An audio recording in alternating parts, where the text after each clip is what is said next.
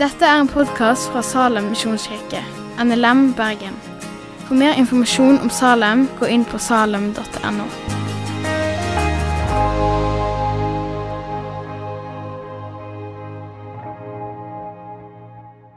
Det er som sagt eh, fastelavnssøndag i dag. Og det er en, eh, en overgang i kirkeåret. Eh, siden jul så har vi vært inne i det som kalles åpenbaringstiden. Der det åpenbares nye ting om eh, hele treenigheten, egentlig. Og fastelavn det markerer overgangen til fastetiden. Eh, og det kan du jo høre litt ut ifra navnet. Faste har jo noe med faste å gjøre.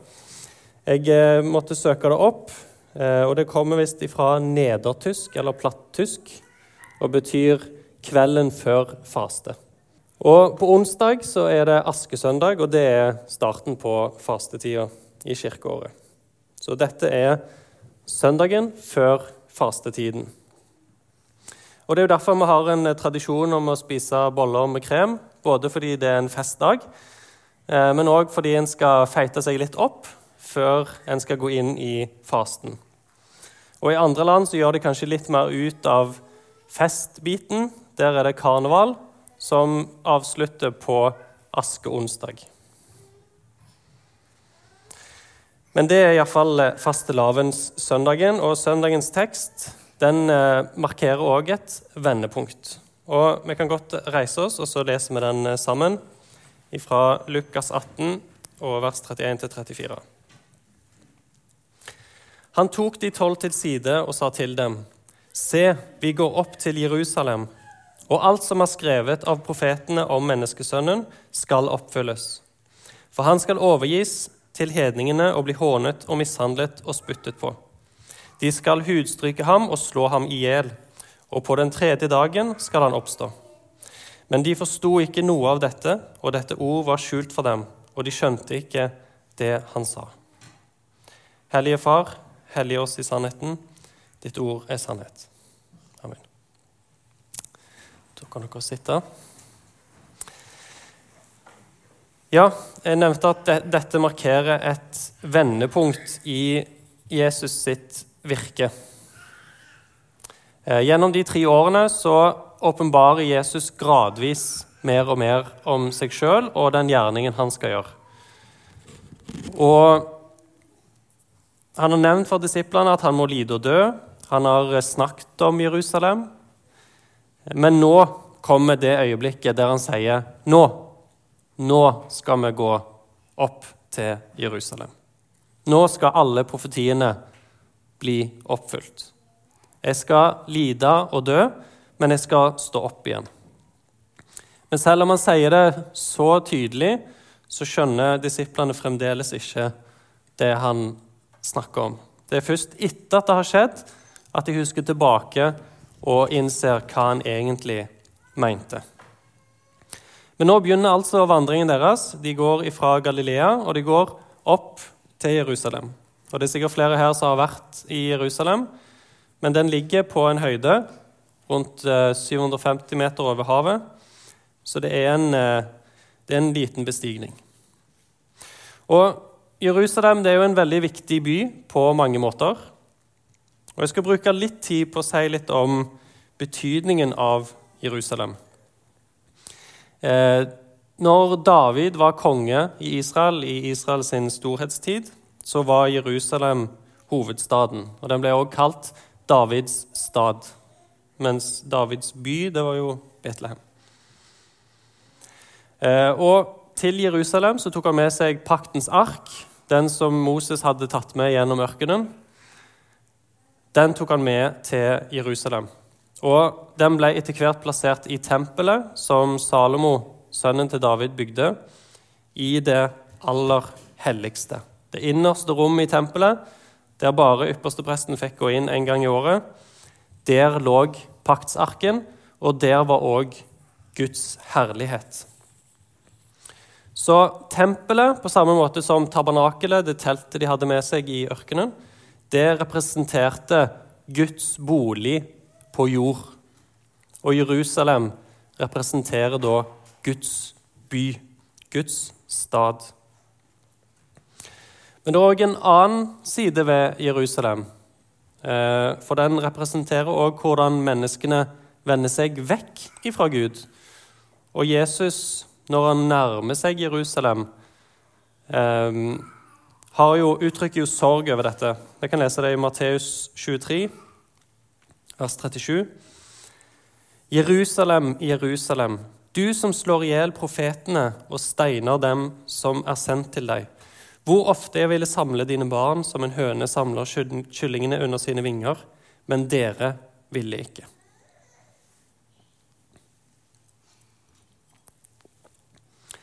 Eh, på denne tiden, når Jesus lever, så har Jerusalem og tempelet det har allerede blitt ødelagt og gjenoppbygga en gang. Under det babylonske fangenskapet så ble byen plundra og nesten helt ødelagt, og tempelet òg ble plundra og ødelagt. Men så har du Esra og Nehemia, som bygger opp igjen og, nei, bymuren og tempelet. Men når Jesus da kommer til Jerusalem, så sier han at dette skal skje igjen. Han sier at både byen og tempelet kommer til å bli ødelagt. Vi kan lese to vers på det i Lukas 21. Når dere ser Jerusalem omringet av krigsherrer, da skal dere vite at byens ødeleggelse er nær. Og i Matteus 24.: Jesus forlot tempelet og gikk ut. Da kom hans disipler for å vise ham tempelbygningen. Men han svarte og sa til dem.: Ser dere ikke alt dette? Sannelig sier jeg dere, her skal ikke bli stein tilbake på stein som ikke skal brytes ned. Og disse profetiene både om at byen og tempelet skal ødelegges, de ble oppfylt i år 70, når keiser Nero og romerne hadde en krig med eh, jødene. Og de gikk inn og ødela nesten hele byen og raserte tempelet. Og tempelet er ødelagt til den dag i dag. Så han spår om en ødeleggelse av tempelet. Men samtidig så begynner han å snakke om et annet tempel og et annet Jerusalem.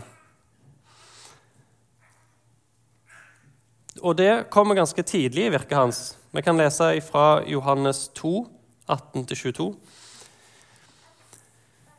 Jødene tok da til orde og sa til ham, Hva for tegn viser du oss, siden du gjør dette?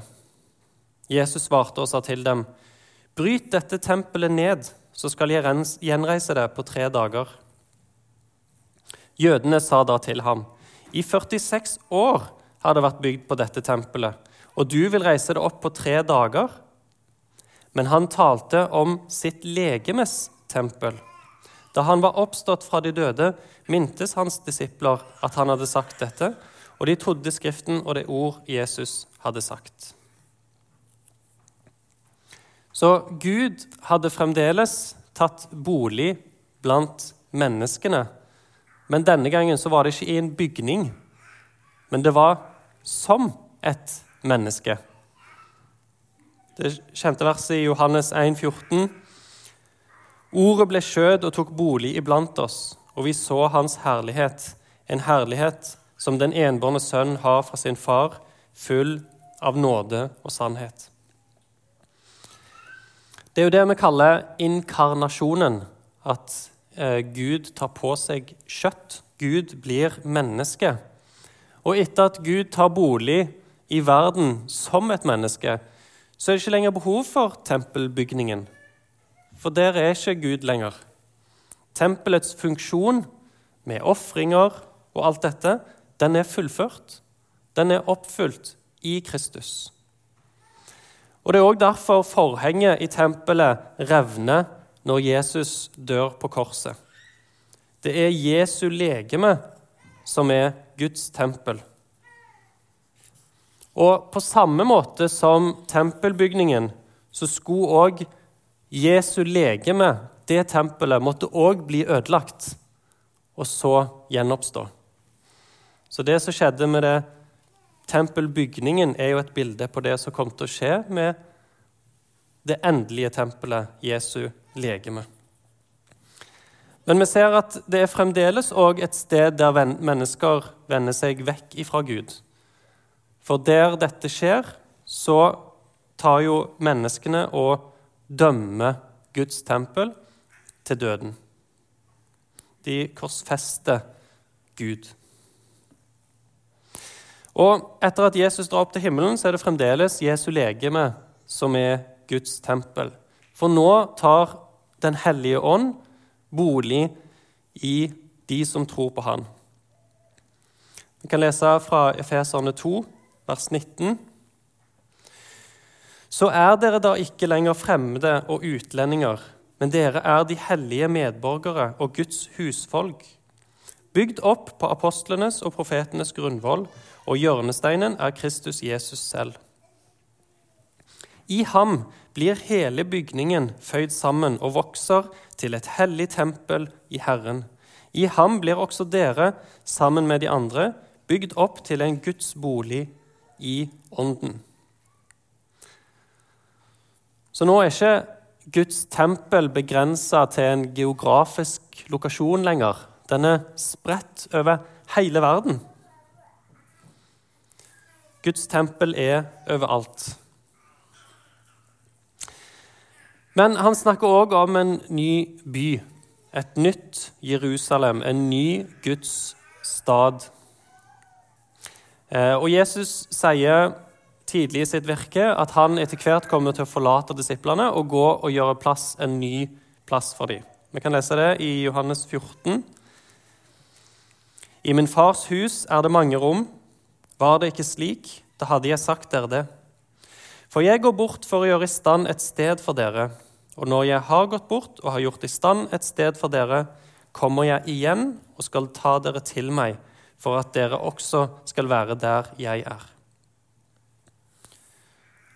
Og i slutten av åpenbaringsboka så får vi et glimt av denne nye plassen som Jesus har klargjort når han er ferdig og blir presentert. Og Vi leser noen vers derfra i Åpenbaringen 21. Og jeg så en ny himmel og en ny jord, for den første himmel og den første jord var vekket bort, og havet er ikke mer.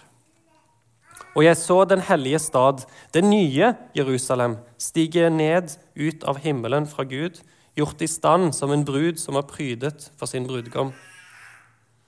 Fra tronen hørte jeg en høy røst som sa, Se, Guds bolig er hos menneskene. Han skal bo hos dem, og de skal være hans folk, og Gud selv skal være hos dem og være deres Gud. Han skal tørke bort hver tåre fra deres øyne, og døden skal ikke være mer, og ikke sorg og ikke skrik og ikke pine skal være mer. For de første ting er vekket bort, og han som satt på tronen, sa, Se, jeg gjør alle ting nye. Og han sa til meg, Skriv, for disse ord er troverdige og sanne. Jeg syns disse sammenhengene i Bibelen er helt fantastiske, der Gud bruker historien, selve historien, som et bilde på det han skal gjøre i historien i framtiden. Vi kunne brukt mye mer tid på dette her, men eh, som noen kanskje har lagt merke til, så er vi ikke kommet forbi første setning i teksten ennå, så jeg tror vi må gå litt videre. Og jeg vet det blir en del bibelvers, men jeg, eh, det tror jeg bare er bra. Men det skal ikke bli like mange vers eh, videre. Eh, men vi kunne òg brukt veldig mye tid på det som kommer. Fordi eh, Jesus sier jo at alle profetiene om menneskesønnen skal oppfylles. Og denne Tittelen eller dette uttrykket 'menneskesønnen' det er noe som Jesus bruker ganske mye. Og Han snakker om menneskesønnen i tredje person. Men ut ifra det han sier skal skje med menneskesønnen, og det menneskesønnen skal gjøre, så forstår vi at det er han sjøl han refererer til. Og Menneskesønnen kan henvise til mange ting i Det gamle testamentet. Ehm, en av tingene kan være fra dagens lesetekst i Jesaja 52 og Jesaja 53 med Herrens lidende tjener. Eh, David òg refererer til ting om en, en, menneskesønn. I salmene står det mye om menneskesønn. Og de trekker òg menneskesønnen som en parallell til Messias mange ganger. Men vi kan òg tenke på menneskesønnen som en kontrast til Guds sønn, som Jesus òg sier at han er. Han ble jo spurt dette direkte og bekrefter det. Så det er òg litt urettferdig av oss å tenke i ettertid at disiplene var dumme som ikke klarte å forstå dette her. For det er jo ikke opplagt at menneskesønnen samtidig skal være Guds sønn. For Jesus er begge deler. Han er både Gud og menneske. Han er kongenes konge, men han er òg den lidende tjeneren. Og Jeg kom over et sitat i en bok jeg leste. Eh, sitatet er fra en av talene til Augustin, der han eh, trekker denne kontrasten på en utrolig fin måte. Den er på engelsk, men jeg har prøvd å oversette det til norsk. Så det han skriver, er Menneskets maker ble gjort til menneske. For at han, stjernenes hersker, kunne die ved sin mors bryst. For at brødet kunne hungre. For at fontenen kunne tørste. At lyset kunne sove. At veien ble sliten på sin reise. At sannheten kunne bli beskyldt for falskt vitnesbyrd. At læreren kunne bli slått med pisk. At fundamentet kunne bli hengt på tre. At styrken kunne bli svak. At legen kunne bli såret. At livet kunne dø.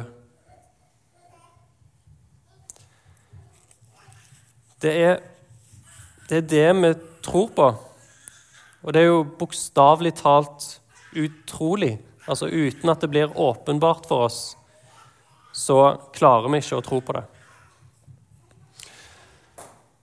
Og Det ser vi òg i teksten, at det som ble sagt til disiplene, det var skjult for dem.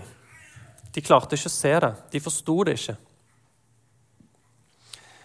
Um, ordet åpenbaring, det er å gjøre noe synlig og vise det. Avduke noe.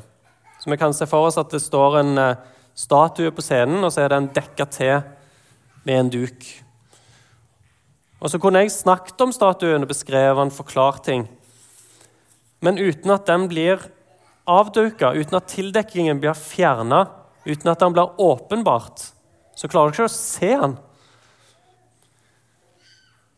Og Sånn beskriver Bibelen de evangeliske sannhetene. Det er noe som er skjult for oss. Det er noe Bibelen bruker også uttrykket 'en hemmelighet'. Det må bli åpenbart. Det må bli avslørt for at vi skal se det, for at vi skal forstå det. Vi kan lese noen vers fra 2. Korinterbrev som sier litt om dette. Er så vårt evangelium likevel skjult, da er det for dem som går fortapt, det er skjult. For denne verdens Gud har forblindet de vantro sinn, så de ikke ser lyset fra evangeliet om Kristi herlighet, Han som er Guds bilde. For vi forkynner ikke oss selv, men Kristus Jesus som Herre. For selv derimot som tjenere for dere for Jesus skyld. For Gud, som bør at lyset skulle skinne fram i mørket, han har også latt lyset skinne i våre hjerter, for at kunnskapen om Guds herlighet i Jesu Kristi åsyn skal lyse frem. Så det er, det er noe som er skjult, det er en hemmelighet. Det er noe vi ikke klarer helt å forstå eller ta tak i med mindre Gud lar sitt lys lyse fram i våre hjerter, så det blir synlig for oss. Så de som var blind, får se. Så det er ikke en tilfeldighet at kristne ofte blir stempla som dumme, at det er uttrykket de bruker. Fordi sannhetene vi forkynner, de er skjult. De gir ikke mening for andre før det blir åpenbart. Og på den ene sida er jo dette veldig frustrerende, for det er jo ingen som vil at andre skal tro at du er dum. Men på den andre sida er det òg veldig frigjørende. Fordi det å forkynne og dele evangeliet handler ikke da om hvor flink du er til å overbevise, eller hvor retorisk dyktig du er, eller hvor god du er til å svare på spørsmål eller andre ting. Det kan kanskje hjelpe med frimodigheten, men det står på at Guds ånd virker gjennom det ordet som blir sagt. Vi skal kunne stole på at Guds ord er virksomt. Så du kan plante noe, og så skjer det ingenting. Men så kan Den hellige ånd jobbe med det over tid, og så plutselig skjer det noe seinere en gang så du ikke er klar over. Men det er en, en frigjøring, en trygghet. Og blir du stempla som dum, så vet du at det har Bibelen sagt at det kommer du til å bli. Og Vi kan kanskje lese det verset helt til slutt, i 1. Korinterne 1,18. For ordet om korset er vel en dårskap for dem som går fortapt. Men for oss som blir frelst, er det en Guds kraft. For det står skrevet:" Jeg vil ødelegge de vises dom, jeg vil ødelegge de vises visdom, og de forstandiges forstand vil jeg gjøre til intet. Hvor er en vismann? Hvor er en skriftlærd? Hvor er en forsker i denne verden? Har ikke Gud gjort verdens visdom til dårskap? For da verden ikke ved sin visdom kjente Gud i Guds visdom, fant Gud det for godt å frelse dem som tror, ved forkynnelsens dårskap. For jøder krever tegn, og grekere søker visdom, men vi forkynner Kristus korsfestet. For jøder et anstøt, og for hedninger en dårskap. Men for dem som har kalt både jøder og grekere, forkynner vi Kristus, Guds kraft og Guds visdom. For Guds dårskap er visere enn menneskene, og Guds svakhet er sterkere enn menneskene. Kan vi ta og be til slutt? Himmelske Far, takker deg for ditt ord, takker deg for ditt evangelium. Takker deg for din sønn som du sendte, og at du har tatt bolig i oss ved din ånd og at du bor blant menneskene. Så takker deg for at vi skal kunne se fram til den nye himmel og den nye jord og det nye Jerusalem, der alt er godt. Så takker deg for at du er med oss i den pilegrimstiden fram til da, i både motgang og medgang. Takker deg for det som skjedde i Jerusalem, der Jesus ga sitt liv for oss og sto opp for vår rettferdiggjørelse. I Jesu navn. Amen. Takk for at du har hørt på podkasten fra Salem, Bergen. I Salem vil vi vinne, bevare, utruste og sende. Til Guds ære. Vi ønsker å se mennesker finne fellesskap, møte Jesus og bli disippelgjort her i Bergen og i resten av verden. Vil du vite mer om oss, gå inn på salem.no.